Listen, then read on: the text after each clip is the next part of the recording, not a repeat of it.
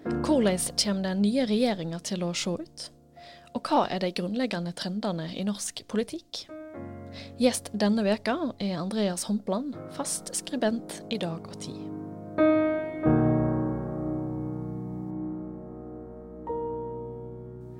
Velkommen, Andreas Hompland. Tusen takk.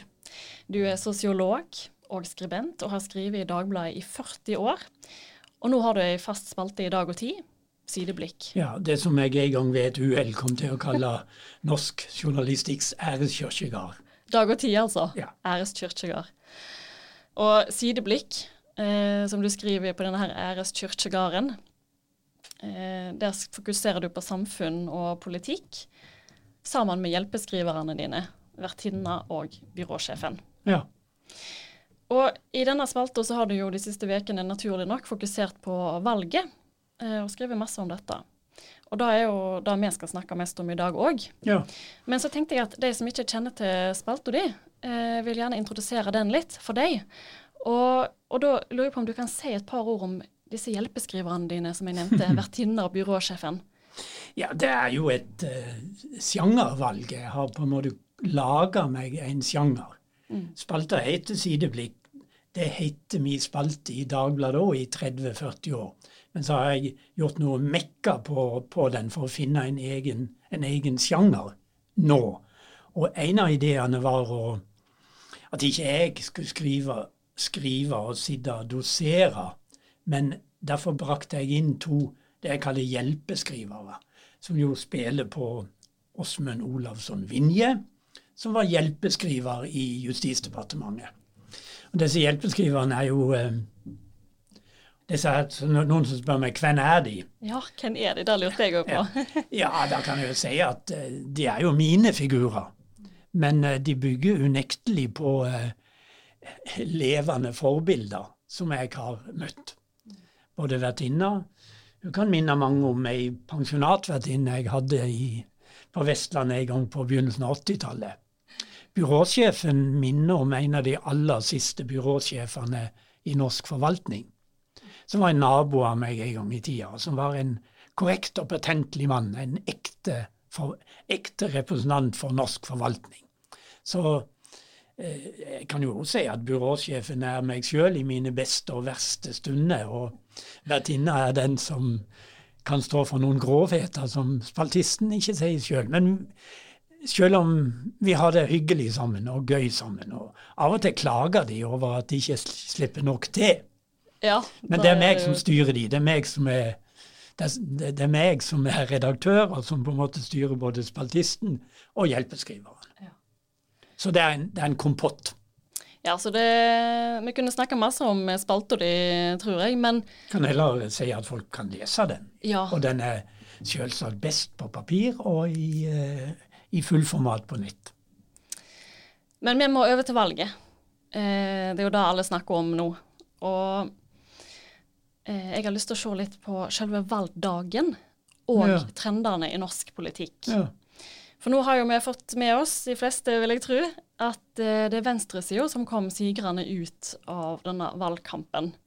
Men det hørtes jo ikke helt sånn ut eh, valgnatta, når disse partilederne holdt talene sine. Nei, det var spesielt vertinna som var opptatt av å høre på disse her takketalene fra partilederne til, til, til, på valgvakene til partier. For da krever sjangeren at eh, de skal hylle de frivillige, de skal hylle alle som har stått på stand og delt ut løpesedler, og spesielt ungdomsorganisasjonene uten dere osv. osv. Men den krever òg at de på en eller annen måte skal finne noe positivt.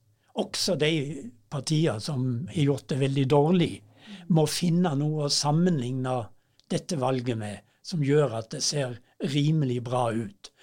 Eh, eksempel så gjelder Senterpartiet vil jo da, som også de offisielle tallene, sammenligne med valget for fire år siden. Og Da kommer jo Senterpartiet veldig godt ut. Mens andre vil minne ja, men dere har jo gått tilbake ifra de gode meningsmålingene. Og sånn driver alle på. altså Finne et eller annet sammenligningsgrunnlag som gjør at dette framstår som eh, en seier. Iallfall en tapper kamp. Til og med, til og med eh, Ropstad snakka om hvor det strålende samholdet i partiet, og at de hadde heva seg fra 2 til 3,8% i løpet av siste, i løpet av valgkampen. Ja. Og Så fikk han ikke sagt mer, for da gikk brannalarmen. Ja, nettopp. Men det, jeg syns Eller kanskje det har vært inne som uh, mener at Sylvi Listhaug tok prisen. Hun uh, framstilte dette som en strålende valg for Fremskrittspartiet. Men da sammenligna hun, plukka hun Gallup-tall, meningsmålingstall for tre uker siden til sammenligning.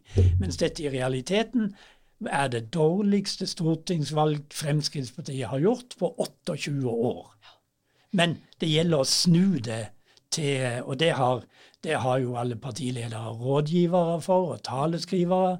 Og de sitter da og leter etter det positive som de skal dele med medlemmene på valgvaket. For å, selv om de burde ha gravet seg ned og være misfornøyd, så, det, så, er det viktig å finne noe som gjør at hever stemninga. Ja. ja, sånn som du sier, så de sammenligner altså valgresultatet med noe som de mener passer best, sånn at de ser best mulig ut, ja. mm. selv om de egentlig ja, har tapt. Um, Den som ikke klarte det, var jo Une Bastholm i Miljøpartiet De Grønne. For dette valgresultatet at MDG ikke kom over sperregrensa, kom som et totalt sjokk. De hadde ikke tenkt seg muligheten av det, tror jeg. Så hun rører bare, egentlig. Mm. Og danser på scenen. Det var en makaber dødsdans, nærmest. Men de, fant, de, de måtte trøste til, til slutt med at at eh, nå fikk de tre på Stortinget, i motsetning til én, mens de egentlig hadde sett for seg, sett for seg at de skulle være en viktig maktfaktor, kanskje kommer på vippepunktet til og med. Mm. Så eh, de, de, hadde nok vanskeligst med å finne noe å være ekstremt fornøyd med ved valget. Ja. Jeg tenkte på denne her eh, kortsiktigheten da, og sammenligningen. Ja. Um, men dette her er jo bare sånn øyeblikksbilde mm. av politikken. Mm. Men hva med de lange trendene? Du har jo ja. Eh, jeg vil jo si at du er såpass voksen at du har fulgt med på politikken eh, ja, nesten før krigen. jeg tror det første stortingsvalget jeg uh, hørte på radio og noterte tall som om det skulle være rundetider på skøyter. Det var ellers det jeg drev på med. Jeg tror det var 57 som det første valget. Og da var valgene relativt uinteressante. For Arbeiderpartiet hadde rent flertall, og det var normalen. Eh, Arbeiderpartiets parlamentariske leder Nils, Nils Hønsvall ble spurt en gang på slutten av 50-tallet om å kommentere den politiske situasjonen. Og da sa han det er ingen politisk situasjon, vi har flertall. Og det var jo det dette som er den grunnleggende normalen i 20 år etter krigen. Arbeiderpartiet, et stort folkelig koalisjonsparti, hadde flertall alene. Eh, så kom det en borgerlig samlingsregjering eh, med, med, Per Borten fra Senterpartiet som, som, som, statsminister, og Høyre og Kristelig Folkeparti og Venstre, som var de borgerlige partiene. Eh, dette er det litt, kanskje litt viktig å, å, å få med seg, fordi det betyr at Senterpartiet er en game changer i norsk politikk. De har bytta side. De var det mest kanskje mest konservative, mest eiendomsorienterte, privateiendomsorienterte partiet da det het Bondepartiet. Og det var et interesseparti for eh, norske bønder. Eh, så kom EU-kampen, der de fikk nye allierte, altså byradikalere, venstresida. Og det påvirka Senterpartiet, men ikke mer enn at de inngikk i nye borgerlige regjeringer.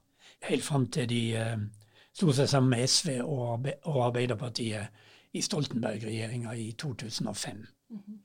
Da hadde jo i mellomtida Arbeiderpartiet også måttet innrømme at vi får aldri rent flertall alene igjen. Men det tok altså ja, 30 år omtrent for Arbeiderpartiet måtte innse at å ha flertall alene å drive en ettpartistat ikke var mulig lenger. Så lang tid tok det før de gikk inn i koalisjon med andre partier. Så det er to langtidslinjer som jeg vil nevne på de siste 70-80 åra. Det ene er at Arbeiderpartiet som det suverent største partiet som kunne danne regjering alene. Den tida er forbi. Det andre er Senterpartiets eh, kuvending fra å være et interesseparti for eiendomsbesittere og bønder til å bli et eh, allment bygdeparti med tung basis i offentlig sektor. Så eh, Senterpartiet har gått fra privat til et offentlig, offentlig, parti med stor interesse for sterk stat og, en, eh, og sterke offentlige inngrep i, eh, i, i organiseringa av samfunnet. Men Vil du si at eh, norsk politikk har blitt avhomogenisert de siste eh, ti åra? At det er blitt flere mindre parti heller enn disse store Ja, altså nå var jo dette her om at Norge har aldri hatt to store parti som kan eh, Og det har jo med valgordninga å gjøre at vi ikke har eh, enmannskretser, men vi har et forholdstallsvalg. Og vi har distriktsmandater. Sånn at vi har to kan si, vi har to relativt Et kjempestort parti, Arbeiderpartiet. Et uh, halvstort parti, Høyre. Og så har vi hatt, uh, hadde vi Høyre, så hadde vi Kristelig Folkeparti, Senterpartiet og Venstre, som var tre sånn halvstore parti. Og så kom SV til.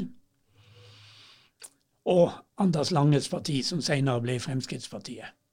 Det er jo vanskelig for nye partier å slå seg inn i politikken.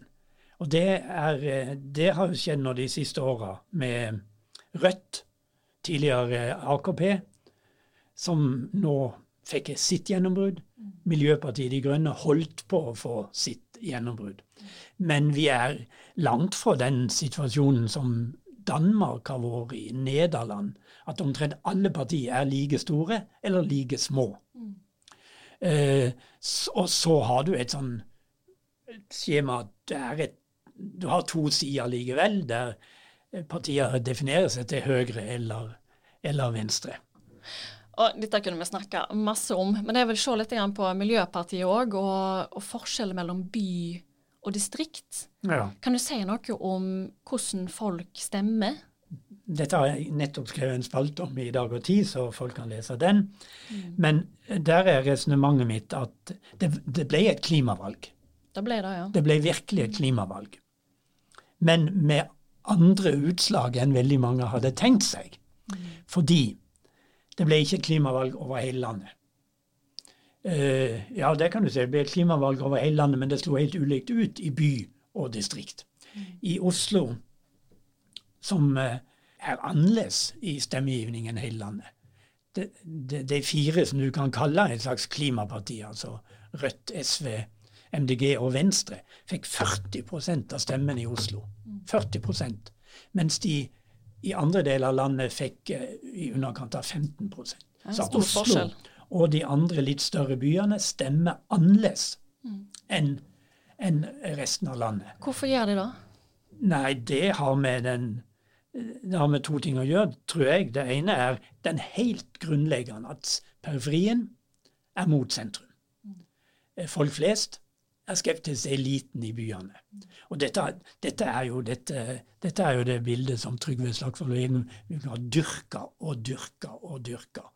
Altså eh, caffè latte-drikkende elsyklister eh, som er vegetarianere, er hans eh, fiender.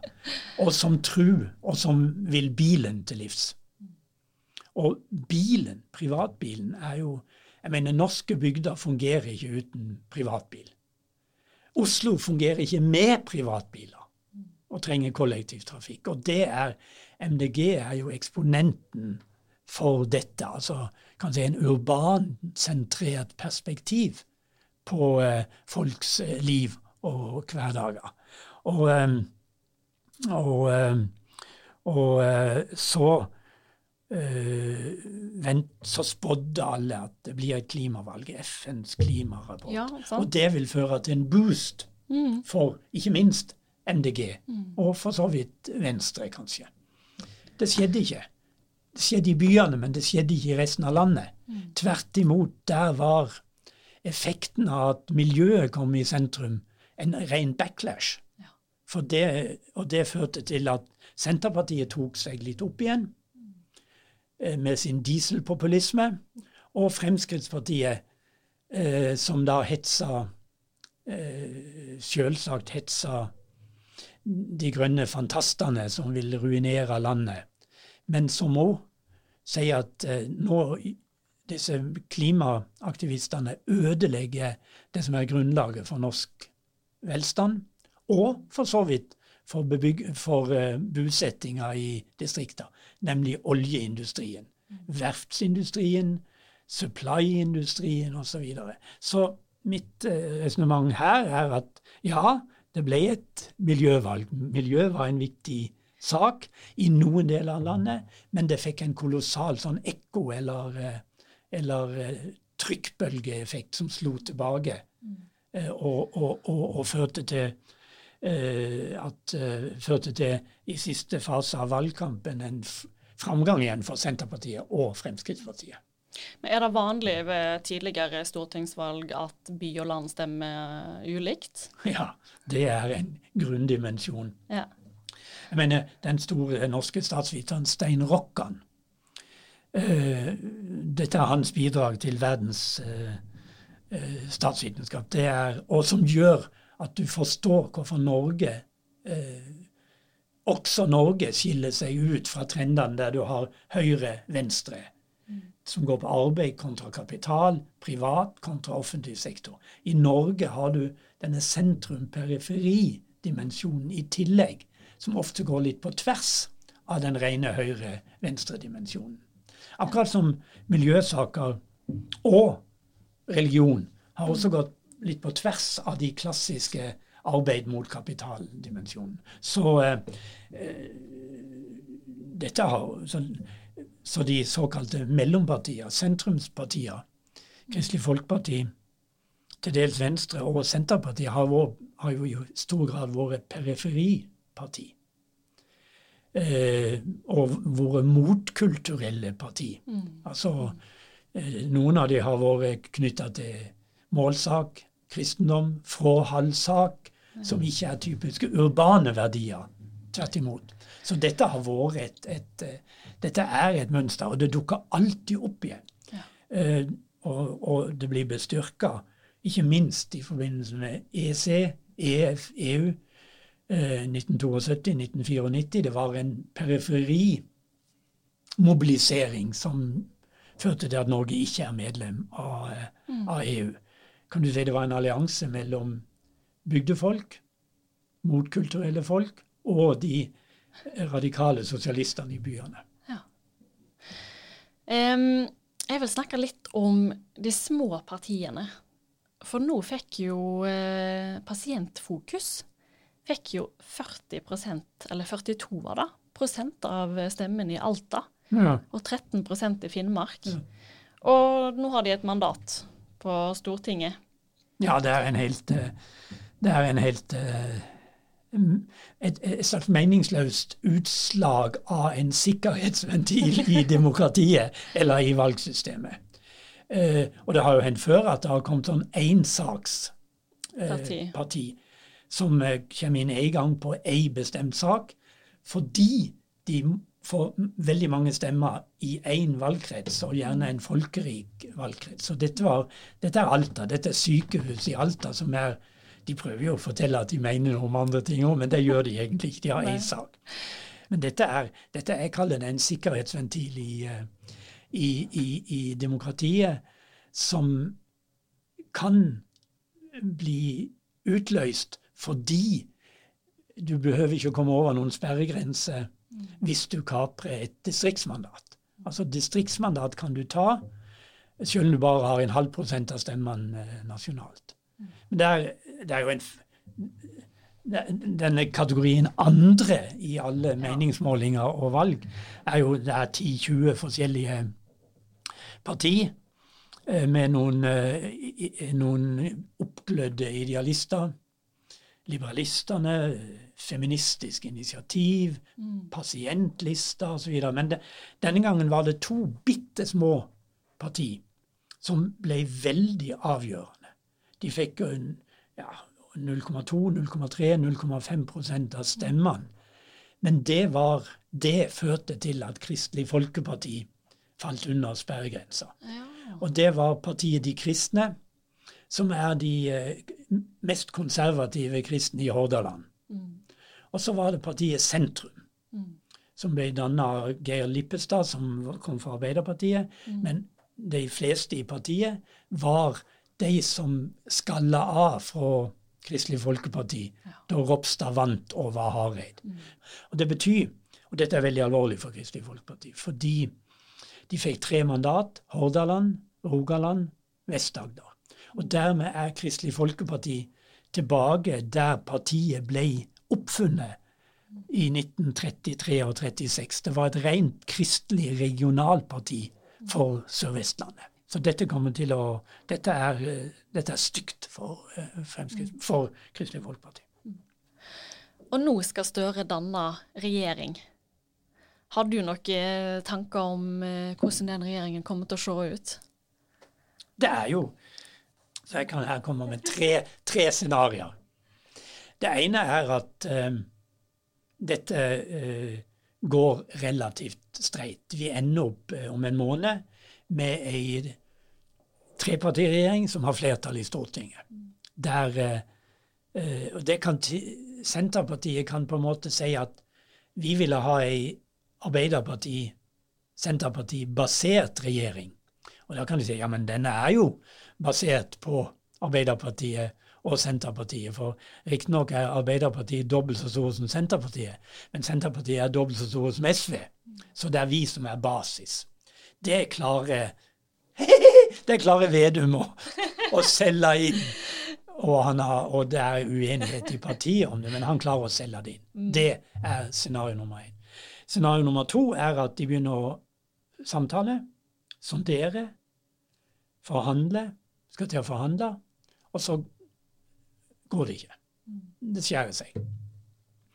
Eh, fordi avstanden er for stor mellom SV og, eh, og Senterpartiet. Eh, det scenarioet Men Arbeiderpartiet sitter jo med trumf i alle sånne forhandlinger. For Arbeiderpartiet kan si nei, men vi tilbyr alle å komme inn i regjering og ha flertall. Vi kan også styre alene i mindretall. Husk på at Jonas, Gahr Støres store forbilde Gro Harlem Brundtland styrte med ettpartiregjering av Arbeiderpartiet i mindretall i hele sin statsministertid. Ja. Så, de, eh, så et mulig scenario av det er at Arbeiderpartiet danner en mindretallsregjering. Med eh, formell eller uformell skriftlig eller ikke-skriftlig støtte i, i budsjettsaker fra SV og, eh, og Senterpartiet. Og i nødsfall i eh, andre saker støtte fra eh, Høyre. Ja. Eller Fremskrittspartiet i noen saker. Så Arbeiderpartiet har alle muligheter for å manøvrere i ettpartiregjering. Mm. Den tredje scenarioet som jeg har mora meg med å tenke på, det er at disse tre partiene forhandler. De kommer fram til ei regjeringserklæring, et plattform for ei regjering. Som med kjøp og salg så kommer de fram til et, et dokument som de kan Og som eh, landsstyret i Arbeiderpartiet godkjenner, som landsstyret i Senterpartiet godkjenner, mens, og landsstyret i SV godkjenner. Men SV har den ordninga at de skal sende det ut til uravstemning blant medlemmene. ja. Og så forkaster medlemmene i SV dette regjeringsgrunnlaget. Og da er faktisk Arbeiderpartiet fanga i en situasjon de helst vil unngå. Nemlig i ei mindretallsregjering sammen med Senterpartiet. Så der kan eh, Vedum si at hva var det vi har sagt i tre, fire, fem år i regjering bestående av Arbeiderpartiet og Senterpartiet? For da er det for seint. Da har bordet fanga for eh, Arbeiderpartiet. Men eh, eh, det er, ikke et særlig sannsynlig scenario, men eh, jeg vil holde de to scenarioene som eh, sannsynligheten omtrent like stor for at vi faktisk får ei treparti felles flertallsregjering. Eh, det er det ene. Det er like sannsynlig er det at vi får ei mindretallsregjering av Arbeiderpartiet. Mm. Det blir spennende å se til slutt hva, som, eh, hva utfallet blir. Det er ca. en måned til. Og så, Ja, noen sånn er timer i forhold til, eh, trontalen og framleggelsen av statsbudsjettet. Ja. Eh, ja, neimen, dette er ikke noe uvanlig. Sånn er det ofte at når, når valget er ferdig, da begynner politikken Mm. ja. og de politiske manøvrene. Og tautrekking mellom partier. Og så ender de til slutt ut med et regjeringsdokument som får navn etter det hotellet der de satt og forhandla. Ja, det er bare til å glede seg. Tusen takk, Andreas Hompland, for at du eh, var med i Dag og Tid-podkasten denne uka. Veldig hyggelig å ha deg her i studio. Takk i like måte.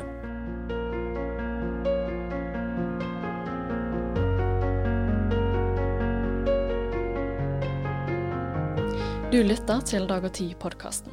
I studio var jeg, Sofie Mai Rånes. Har du tilbakemeldinger på podkasten vår? Skriv gjerne en e-post til sofie.krøllalfa.dagogtid.no. Vi er tilbake neste uke. Takk for at du lytter.